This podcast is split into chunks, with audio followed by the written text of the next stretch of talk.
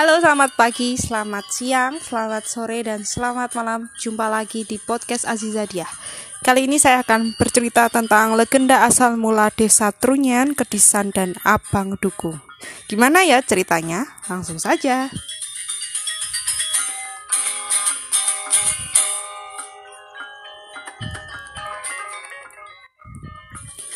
Alkisah Raja Solo yang bertata di Keraton Surakarta mempunyai empat orang anak. Tiga anak laki-laki dan seorang anak perempuan yang paling bungsu. Suatu hari tiba-tiba mereka mencium bau harum yang sangat menyengat. Hai, bau, bau harum apa ini? Kata Pangeran Sulung terhadap adik-adiknya. Apakah kalian menciumnya juga? Kata Pangeran Sulung lagi. Iya, Kanda. Bau harum itu sangat menyengat ya, jawab adik-adiknya. Keempat bersaudara itu pun mencari sumber bau harum yang menyengat tersebut. Sepertinya bau harum itu berasal daerah timur ya, Kanda. Jawab putri bungsu. Iya, kamu benar adikku. Kakak sulung pun mengiyakan. Keempat bersaudara itu amat penasaran dan tertarik pada bau harum itu. Akhirnya mereka pun bersepakat untuk mencari sumbernya setelah menyiapkan segala keperluan dan mendapat izin dari sang ayah. Mereka pun mengadakan perjalanan menuju ke arah timur. Semakin jauh mereka ke timur, bau harum itu kian menyengat. Setelah berbulan-bulan berjalan dengan menyusuri hutan lebat, menyeberangi sungai dan selat Bali, akhirnya mereka tiba di Pulau Bali. Kemudian mereka melanjutkan perjalanan hingga ke perbatasan Pulau Bali di sebelah timur, yaitu perbatasan antara desa Ciluk Karangasem dan tepi yang terletak dekat Buleleng. Setiba di kaki Gunung Batur sebelah selatan, si putri bungsu tiba-tiba menghentikan langkahnya. Ada apa Adinda? Mengapa engkau berhenti? Tanya Pangeran Solo. Adinda tertarik pada tempat ini, Kanda. Jika diperkenankan, izinkanlah Adinda tinggal di tempat ini. Pinta si putri bungsu. Permintaan putri bungsu pun disetujui oleh kakak kakaknya. Sejak itulah putri bungsu dari kerajaan Surakarta itu berdiam di tempat tersebut namun ia kemudian pindah ke lereng Gunung Batur sebelah timur, tempat Pura Batur berdiri. Selanjutnya sang putri diberi gelar Ratu Ayu Mas Maketek.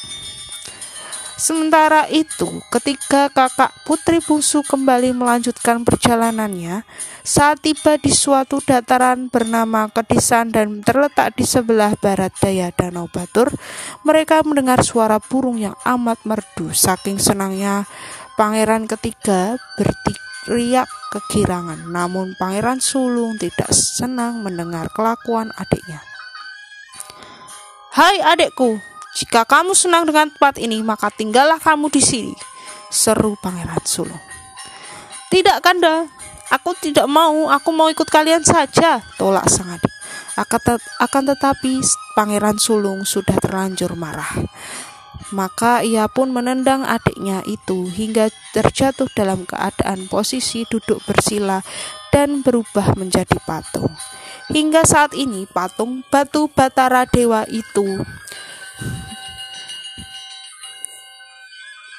posisinya yaitu duduk bersila. Patung Batara yang merupakan penjelmaan pangeran ketiga Raja Solo itu diberi nama diberi gelar Ratu Sakti Sang Hyang Jeru dan kini sedang bersemayam di Meru Tumpang Pitu atau bangunan suci dalam pura yang beratap tujuh di tingkat pura dalam pingit di desa Kedisan. Tinggal dua orang pangeran yang tersisa dalam perjalanan itu. Nah, mereka bertemu dua gadis cantik. Oleh karena itu, mereka salah satunya yaitu pangeran kedua tertarik kepada gadis-gadis tersebut dan menyapa mereka. Namun lagi, Pangeran Sulung tidak menyukai tindakan adiknya. Hai adikku, jika kamu senang pada gadis itu, tinggallah kamu di sini. Tidak Kanda, Dinda ingin bersama Kanda, jawab pangeran kedua. Sekali lagi Pangeran Sulung naik pitam dan marah kepada adiknya. Lalu ia menyepak adiknya hingga jatuh ke dalam terlungkup. Konon pangeran kedua itu kemudian menjadi pangeran desa dan desa itu dinamakan Desa Abang Dukuh.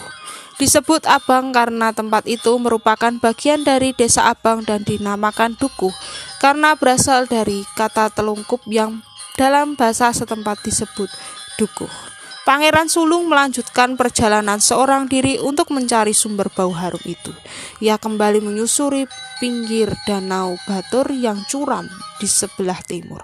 Setiba di sebuah dataran, ia mendapati seorang dewi yang cantik cerita sedang duduk sendirian di bawah pohon taru menyan. Pangeran Sulung rupanya amat terpesona pada kecantikan sang dewi dan berniat untuk melamarnya. Ketika ia menghampiri dewi itu, bau harum yang berasal dari pohon taru menyan itu semakin menusuk hidungnya. Oh, rupanya pohon ini adalah sumber bau harum itu. Gumam Pangeran Sulung. Pangeran Sulung pun semakin mantap untuk melamar Dewi itu. Lamaran Dewi itu disampaikan kepada kakak sang Dewi. Baiklah, engkau boleh menjadi suami adikku, tapi dengan satu syarat, kata kakak sang dewi. Apakah syarat itu? Tanya pangeran sulung yang ingin tahu. Engkau harus menjadi pancer jagat atau pasak dunia atau disebut pemimpin desa, kata kakak si dewi. Baiklah, syarat itu saya terima, kata pangeran sulung. Akhirnya pesta perkawinan Pangeran Sulung dan Sang Dewi dilangsungkan dengan meriah. Setelah itu Pangeran Sulung dinobatkan sebagai pimpinan desa yang dikenal dengan nama Desa Trunyan. Nama desa itu diambil dari nama pohon taru menyan. Taru berarti pohon dan menyan berarti harum. Kemudian setelah menjadi suami Sang Dewi, Pangeran Sulung diberi gelar Ratu Sakti Pancering Jagat. Sedangkan istrinya bergelar Ratu Ayu Pingit dalam dasar. Ratu Sakti Pancering Jagat kemudian menjadi dewa tertinggi orang Trunyan, sedangkan istrinya menjadi Dewi Danau Batur yang hingga kini dipercaya sebagai penguasa danau tersebut.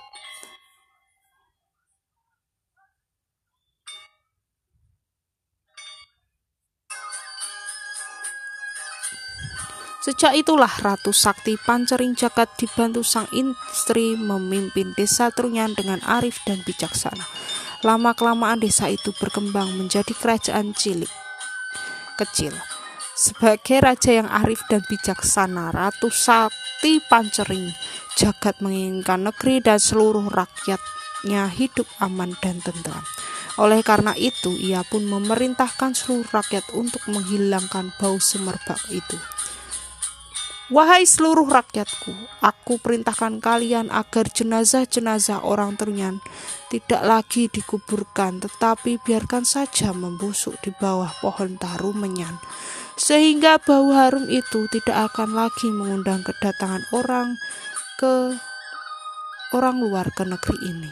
Titah Ratu Sakti Pancering Jagat. Sejak itulah setiap ada penduduk Trunyan yang meninggal, jenazah mereka hanya dibiarkan membusuk di atas tanah. Karena bau busuk itulah desa Trunyan tidak lagi mengeluarkan bau harum. Demikian pula lah sebaliknya jenazah-jenazah penduduk Trunyan itu juga tidak mengeluarkan bau busuk.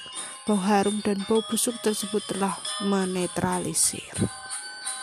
Nah, itulah cerita dari Desa Trunyan, Kedisan dan Abang Dukuh.